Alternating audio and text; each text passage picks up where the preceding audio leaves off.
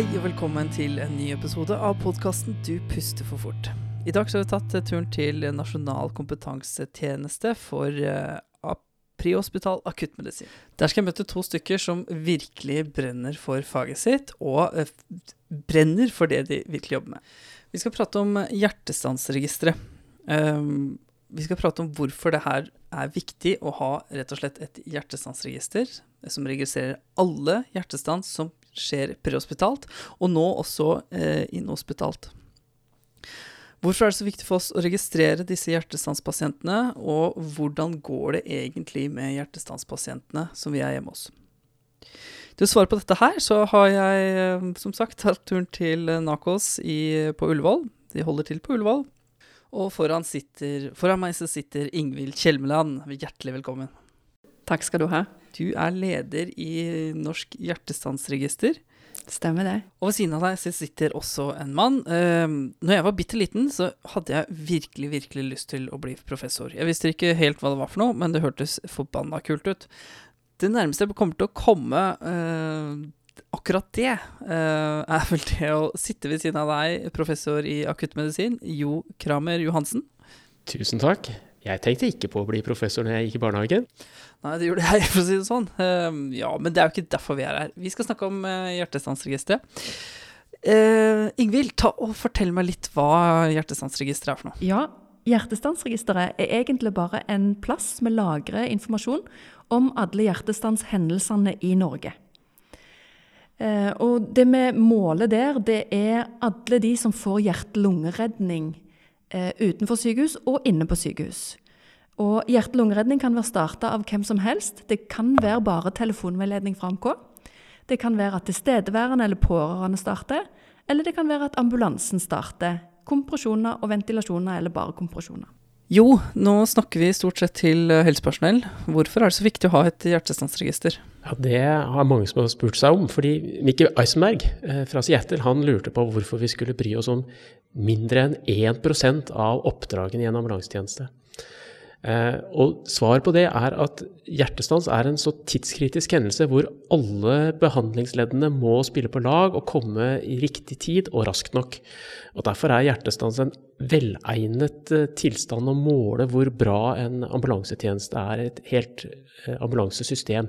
Helt fra nødmeldetjenesten til eventuelle førsterespondenter eller akutthjelpere eller livreddere i befolkningen til ambulansetjenesten og videre med intensivbehandling etter at pasienten har kommet til sykehus. Hva slags data får dere av i hjertestansregisteret? Hva, hva er det som registreres? Vi samler inn data fra alle leddene i behandlingen.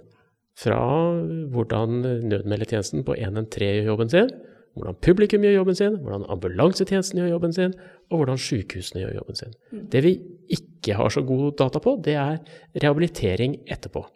Det skulle vi ønske at vi hadde mer data på, men det får komme. Og vi får data fra alle ambulansetjenester i hele Norge. Vi er veldig stolt av det. Ja, for alle er med? Alle er med. Ifra, vi begynte denne jobben i 2013. Da ble vi godkjent som nasjonalt register. Og innen 2016 så sendte alle oss hjertestansdata. Det er vi veldig fornøyde på. Så dere får inn eh, masse spennende data fra hele Norge, i i hele Norge. Er det noe eh, spesiell data som er eh, spennende, Ingvild? Det er der. Det aller mest spennende er faktisk at vi vet hvor mange som bor i Norge. Vi har personnummer på alle i hele Norge som har bostedsadresse Norge. Det gjør at vi vet faktisk hvem folk er. Vi har lov å følge dem opp, og vi kan se hvordan det går med dem. Og det er helt unikt. Det som òg er veldig spesielt i Norge, er at eh, AMK har drevet telefonveiledning siden 95. Det har stått i indeksen siden 1995. Det gjør at vi nå rapporterer at over 80 av alle hjertestanspasienter får hjerte-lungeredning før ambulansen kommer fram. Det er helt, helt unikt. Andre land som eh, har tilsvarende registre, de strever ofte med å få 50 eller 60 med hjerte-lungeredning eh, før ambulansen kommer.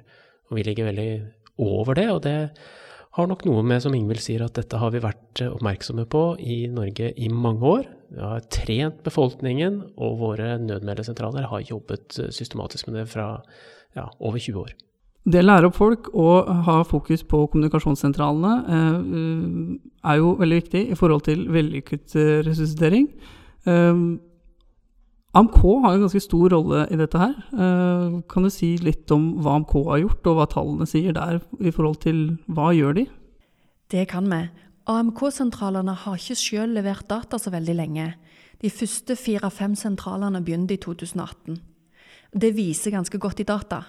Når jeg kikker på hva som ligger i registeret for 2018, så varierer det fra 7% i Helse Bergen til 88 i um, Telemark i forhold til hvor mange som får telefonveileder HLR. Jeg tror ikke Bergen er så veldig dårlige til å gi telefonveiledning. Jeg tror bare de ikke er så veldig flinke å dokumentere det og få sendt det til oss i det nasjonale registeret. Men de som jeg vet sender inn data sjøl, de AMK-sentralene som leverer data, har veldig høy treffprosent og starter telefonveiledning på mange. Og allerede da, altså når de eh, trykker på knappen med til startet telefonveiledning, så havner det hos dere i hjertestansregisteret? Ikke fullt så enkelt. Oh, vi, skulle gjerne, vi skulle gjerne hatt det så enkelt som det. Og en automatisk innsamling av data der alt bare gikk av seg sjøl, hadde vært supert men jeg hadde vært arbeidsledig. Ja. Eh, men eh, foreløpig så er det sånn at eh, vi må samle data i alle de forskjellige systemene vi har. Både i AMK-systemet, i papir i ambulansen, inne i journalsystemet inne på sykehus. Og så er det noen som må lete fram alt det og legge det inn i det nasjonale registeret. Og i sitt lokale register. Som er, den, den lokale registeret sender en kopi til det nasjonale. Jeg er litt spent på uh, tallene, da. Hva, hvor mange fikk i 2018 hjertestans uh, utenfor sykehus? Av de som ambulansen eller tilstedeværende starta behandling på, så dreier det seg om rundt 3300 personer. Og Det som er litt uh, spennende også, jeg leste, når jeg har lest rapporten, så er det jo også tall på om publikum har kobla til hjertestarter. Det er tall på om om eh, altså brannvesenet eller andre mm, ja. Vi har kalt det førsterespondenter i vår årsrapport, men Helsedirektoratet opererer med akutthjelpere ja, som begrep. Ja. Mm. og det kan jo også være publikum som ikke har spesiell trening, og da kan man jo kalle dem for livreddere. Ja. Så mange bidrar, og, og vi vil ha data om hele behandlingskjeden. Det spennende her er jo når vi får lov å ta ut informasjon om hvem som faktisk er redda før ambulansen kommer fram. Mm. Og det dreier seg om mellom 20 og 25 personer hvert år der de har fått sjokk av en hjertestarter og har puls når ambulansen kommer. Ja. Disse er det ikke noe tvil om. De har hatt hjertestans. De har fått sjokk, og de har puls når ambulansen kommer fram. 25 personer. Det er en skoleklasse, det, hvert år som reddes av tilstedeværende. Har du noe tall på eh, hvor mange som har fått påkobla hjertestarter? Du kan ta det på sparket, eller skal vi ja, da må vi lete, titte litt i, lete litt i tallene. Det er omtrent 13% av alle 13 mm. som får påkoblet hjertestarter før ambulansen kommer. Og halvparten av de får hjertestarter som del av en sånn organisert førsterespondentordning. Dvs. Si at det oftest er brannvesenet lokalt som kommer med hjertestarter, og halvparten eh, får påkoblet hjertestarter av publikum. Og det er jo veldig ofte på offentlige steder og på arbeidsplasser. Det er jo en, et misforhold mellom hvor disse private hjertestarterne er utplassert, og hvor hjertestans skjer. Vi skulle gjerne sett eh, at det var litt bedre sammenheng der, fordi vi ser at det er veldig få hjertestans som skjer rundt på arbeidsplassene, og det er der hjertestarterne ofte henger. Mm. Men nå skal jo det også bli bedre. Hjertestarterregisteret, det kommer også. Målet her er vel å få opp det tallet på 13% det er jo et av de suksesskriteriene som ligger for Hjertestarterregisteret, som eh, drives på nabokontoret her og som alle kan gå inn og eh, registrere sin hjertestarter på. Og det er 113.no. Så kan du registrere hjertestarteren din og gjøre den tilgjengelig og synlig for AMK-sentralen. Tilbake til hjertestansregisteret. Jeg er litt spent på, ja. Eh, jeg jobber i Oslo. Hvor i landet er man best? Hva er, sier tallene, Ingvild? Tallene er bare en del av svaret, så dette, det er et veldig godt spørsmål. Eh, noen er flinke å registrere. Noen er veldig flinke å behandle. Og noen er veldig flinke å få pasienter til å overleve. Hvis vi setter alt det i sammen, så kan vi trekke ut de som er flinke til alt. Og da ender vi på tre helseforetak. Det er Nordlandssykehuset, det er Sør-Trøndelag, og det er Vestfold. De er flinke. De kan vi lære noe av. Det betyr ikke at alle andre er dårlige, men det betyr at eh, disse helseforetakene kan han reise på besøk til hvis han har lyst til å hospitere. Nå snakker jeg om antall registrerte pasienter og antallet som overlever, både for ROSK, men òg de som overlever 30 dager.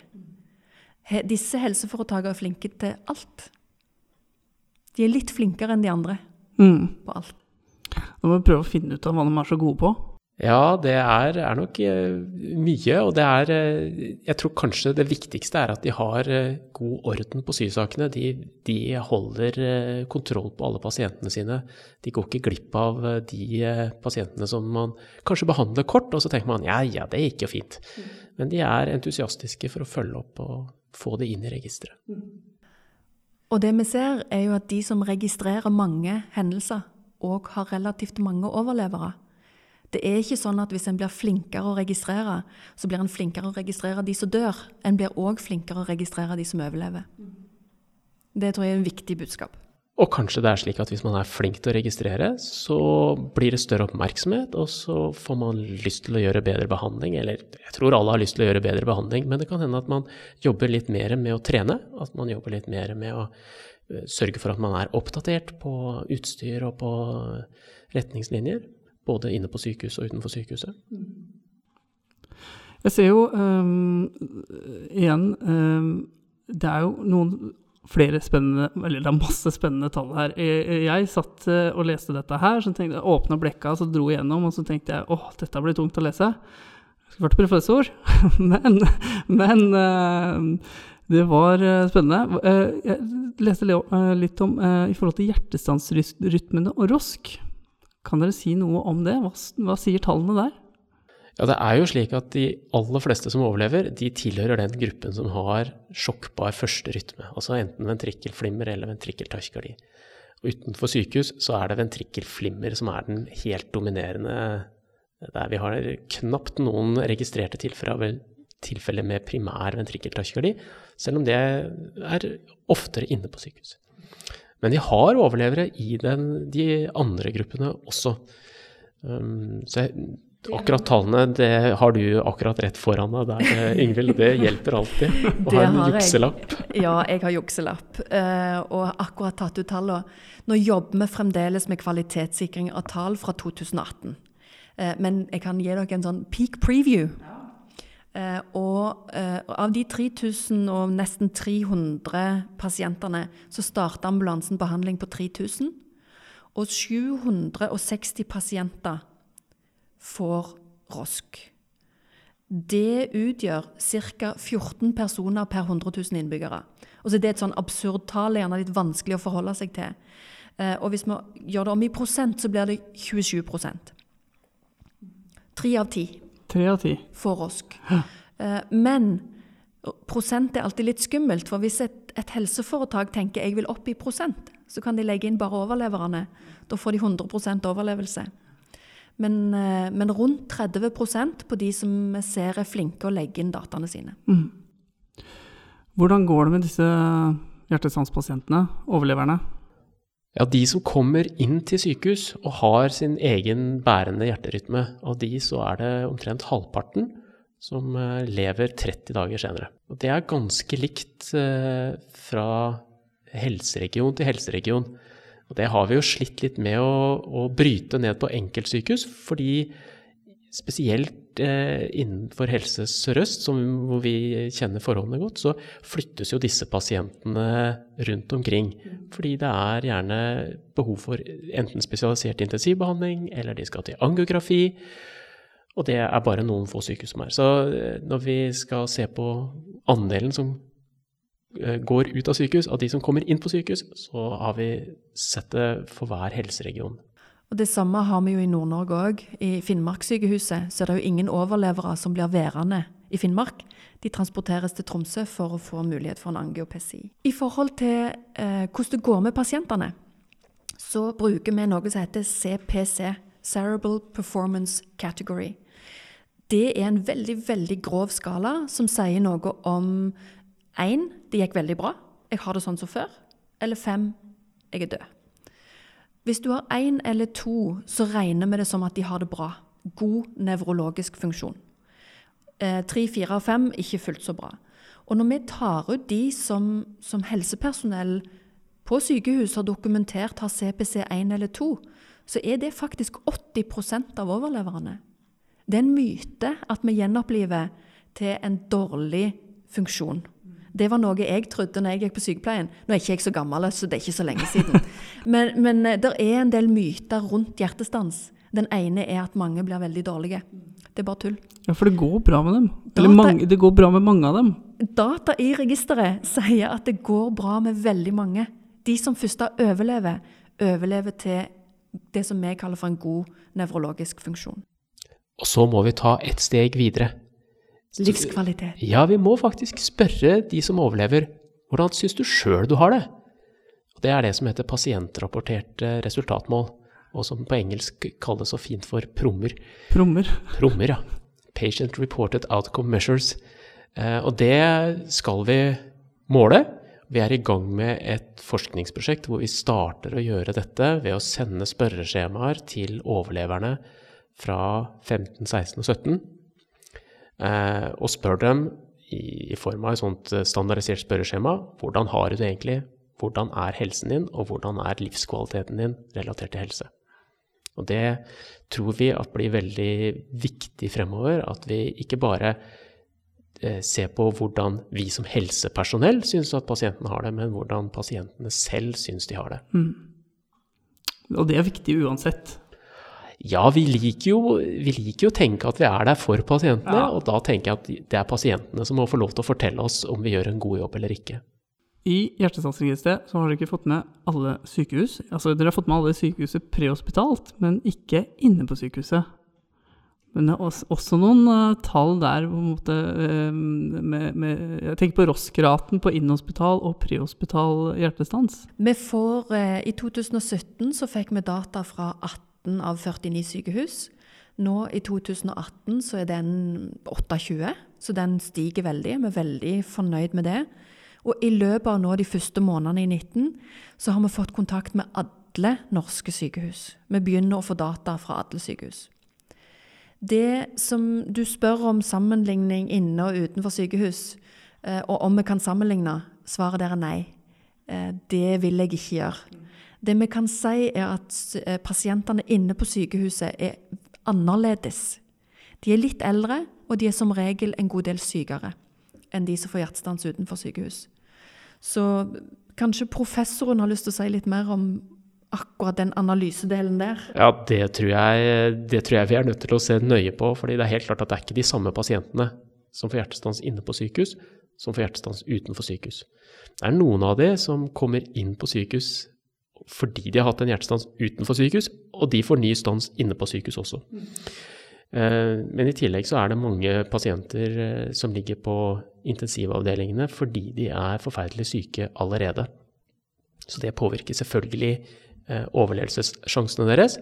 Samtidig som det er jo slik at responstiden, eller hvor kort tid det tar før de får god behandling, den er jo selvfølgelig mye kortere inne på sykehus. Så det drar i den andre retningen. Um, nå er jeg veldig glad for at vi faktisk har fått kontakt med alle sykehusene og får alle sykehusene med i registeret vårt. Da kan vi begynne å ta tak i også det som skjer inne på sykehus. Uh, både med hvordan behandlingen er, og hvordan resultatene er. Også i Norge så må vi også si vi har veldig forskjellige sykehus. Så vi kan ikke sammenligne Ullevål sykehus med Helse Førde, f.eks. Førde sykehus. Og det vil vi òg ta høyde for når vi begynner å gi ut informasjon og, og fortelle om data.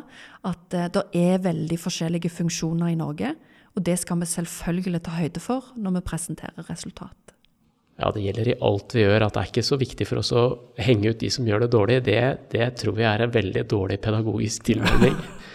Vi er mer opptatt av å fremheve de som gjør noe vi kan lære av. Mm. Og det gjelder både utenfor sykehus, og det kommer selvfølgelig også til å gjelde inne på sykehus. Nå har vi snakka om uh, hjertestansregisteret. Vi har vært innom litt forskjellige dataer. Uh, um, men hvorfor er det så viktig at jeg etter hver eneste hjertestans skal fylle ut skjema? Et register er ikke verdt noen ting hvis ikke vi har gode, komplette data. Jeg kan sitte her eh, på tua mi og hoppe opp og ned og ha et register så mye jeg bare vil, men hvis ikke det er gode data, og vi bruker data til noe fornuftig eh, og forbedrer pasientbehandlingen, så er ikke registeret verdt så veldig mye. Eh, det som er med oss mennesker, er òg at vi glemmer litt. Og så husker vi de tinga som vi har lyst til å huske, og så husker vi gjerne ting som vi tror vi gjorde, for vi vet at det egentlig er riktig. Så hvis vi kan få folk til å fylle ut det de faktisk gjorde med en gang, eller så, så tett opp mot hendelsen som mulig, sånn at vi får reelle hendelser i registeret med all den informasjonen en har, så kan vi få et register som kan brukes til å forbedre pasientbehandling. Det er gode data med en gang du har fylt ut skjema, sendes til oss, og så kan vi gi tilbakemelding på hva er du flink til, hva kan du jobbe mer med. Og, og dette brukes jo også til forskning, dataene. Ja, formålet vårt er først og fremst at vi skal bli bedre på å behandle denne pasientgruppen. Men dataene er også tilgjengelige for forskning, og det er uh, mye å si om det, som Mm. vi kan uh, kanskje snakke om en annen gang. Det får vi ta en annen gang, ja. Eh, Hvordan ligger vi an i forhold til andre land i Europa, Ingvild? Veldig godt spørsmål.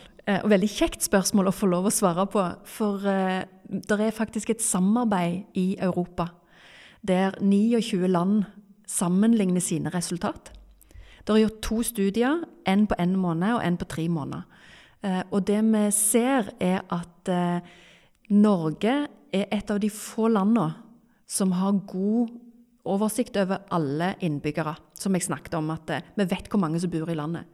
Det som er enda bedre, er at vi er det eneste landet i verden som har et lovpålagt register. Der eh, har Norge vært et foregangsland. Kreft registreres i veldig mange land, men hjerte-kar er ikke så vanlig, og Norge har altså et lovpålagt hjertestansregister. Fantastisk. Det er Det er helt veldig bra. eh, unikt. Eh, og det gjør at vi har veldig gode data òg. Samtidig som jeg er avhengig av at eh, alle dere der ute har lyst å sende inn skjema. For det kan være lovpålagt så mye du vil, men jeg har ingen straffemulighet. Og har ikke lyst til å straffe noen Nei. for det. Men det er veldig kjekt å skryte av at dette får vi til. Eh, og når du ser på HLR av tilstedeværende, hvor hvor mange som får hjerte-lungeredning før ambulansen kommer, så er vi best i verden på det. Best i verden. Best i verden. Ja. Men vi kan bli bedre. Alltid. Det er kanskje vanskelig å bli bedre på HLR før, hjert- før ambulansen kommer. I hvert fall i antall. Vi kan helt sikkert gjøre hjerte-lungeredning bedre. Men det er mye annet vi kan bli bedre på. Eh, Men det også blir andre podkaster. Ja, vi har vel eh, muligheten til å snakkes igjen, tror jeg. Ja, så bra. Eh, Og i forhold til dette europeiske samarbeidet, så viser vi i Norge at det går an å få til god behandling til tross for geografi. Mange sier ja, men det er så lang utrykningstid. Det, går så lang tid fra vi, flytter ambulanser. Eh, mange prosjekt som, eh, og ma mange argument for at en ikke er gode. Men hvis vi ser på de sykehusene i Norge som faktisk er veldig flinke, så er et av de Nordlandssykehuset. Eh, Jeg har bodd i Bodø. De har en noe utfordrende geografi. Men de er allikevel utrolig flinke på behandling og registrering. Og så Jo sitt argument. Norge og den norske befolkningen bor langs kysten, og vi bor i bygdes, eller bysentrum. Så ambulansen er faktisk ikke så himla langt vekke. Og det òg når vi sammenligner med resten av Europa, så har vi noen veldig lange utrykningstider, men jevnt over så bor vi vi er sosiale, vi bor i sammen. Vi bor i området, og der er det ofte en ambulanse. Du, eh, jeg tror vi skal avslutte. Vi har holdt på litt her nå. Veldig hyggelig. Uh, Ingvild, hvor uh, kan de som lytter sette seg ned og lese om eh, hjertestansregisteret og rapporten for da, 2018 som ligger ute nå? Ja, 2018 er ikke kommet helt ennå, oh, men hvis du, hvis du publiserer denne om en liten stund, så er 2018-rapporten kommet.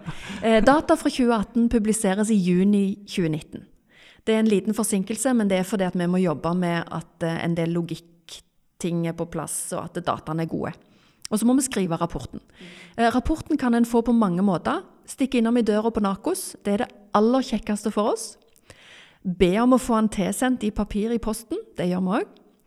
Eller gå inn på nett på kvalitetsregister.no. Der ligger årsrapportene for alle år tilbake igjen til 2013. I tillegg så får vi noe spennende nå i løpet av 2019. Vi vil få resultatene tilgjengelig på nett i det vi kaller for en interaktiv eh, versjon. Det vil si at en kan gå inn, klikke på sitt eget sykehus, klikke på nabosykehuset og sammenligne resultatene. Eh, og det vil ligge tilbake i tid. 18, 17, 16, 15 osv. Så, så da kan du sammenligne og se hvordan det går med resultatene flere år. Og se er mitt sykehus blitt flinkere, eller har vi mer å jobbe med. Da vil jeg bare en liten sånn eh, ting jeg har lyst til å si. Det at ting går litt opp og ned, er helt vanlig. Hjertestanser kommer ikke eh, regelmessig. Det er ikke sånn at vi har en stans i uka eller en stans i måneden. De kommer gjerne i bolker, så det er lov å ha svingninger. Så lurer du på om dette er bra eller dårlig, så ta gjerne kontakt. Ta kontakt direkte med deg i Nakos eller Hjertestansregisteret. Gjerne det. Ja. Nakos.no, der står mobilnummeret. Eller kvalitetsregister.no, der er mobilnummer og der er mailadresse. Det er bare kjekt å få henvendelser. Nå kommer du til å få mye henvendelser, Ingvild. Det går bra. Veldig kjekt å få hatt hodet opp av datamaskinen. Det er veldig kjekt å få kontakt med folk som lurer på noe. Eh, Jeg kan ikke gi informasjon om enkelthendelser, men det kan de få hvis de henvender seg til sin registrar. Hvis de ikke vet hvem som har ansvar for det lokale registeret, kontakt meg, så skal jeg gi dere. Eh, ambulansepersonell har lov å få informasjon om hva som ligger i registeret. Hvordan går det med pasienten min? Hva gjorde jeg bra? Hva gjorde jeg ikke så bra? Bare spør. Så har jeg lyst til å spørre dere eh, det jeg spør veldig mange av gjestene om. Hva gjør en ambulansearbeider, en paramedic, noen som jobber på prehospital, god? Ingvild? Ja, det er to ting, tror jeg. Jeg liker å gjøre ting litt enkelt. Det er en brennende interesse for faget og empati. Mm. Det, er helt det å bry seg om hverandre tror jeg er helt avgjørende Mm. for å gjøre en god jobb. Om det er kollega eller pasient eller hva det måtte være. Jo, du jobber jo på NNI her i Oslo, legebilen. Det har du gjort i mange år. Ja, eh, jeg kjenner mange ambulansearbeidere, og jeg syns de fleste av dem er veldig flinke. Jeg tror at det som eh, vil gjøre en ambulansearbeider eh, riktig god, det er å hele tiden se på seg sjøl. Hva er det jeg gjør nå? Hva kan jeg gjøre litt bedre? Det er eh, nøkkelen til å hele tiden forbedre seg, og det er det samme som skal til for å bli god, enten det er å spille fotball eller fiolin. Og det er det vi trenger. Hjertelig takk for at jeg fikk lov til å komme på besøk til dere her oppe på Nakos. Det var veldig hyggelig. Eh, Ingvild Kjellmeland og Jo Kramer Johansen. Var det, hy- Syns du det var ålreit å bli med med podkast og mikrofoner og det som er? Jeg tror du skjønner på oss at vi er ganske engasjert i dette, så det er ikke så vanskelig å få oss til å snakke når du stiller spørsmål. Nei. Så jeg tror du er velkommen til å komme igjen. Ja, jeg håper vi møtes igjen. Eller vi høres kanskje igjen. Det håper jeg òg. Det er bare å stille spørsmål, så snakker vi som bare det. Trenger ikke engang legge en femmer på oss. Hjertelig takk for nå. Takk for nå. Ha det bra.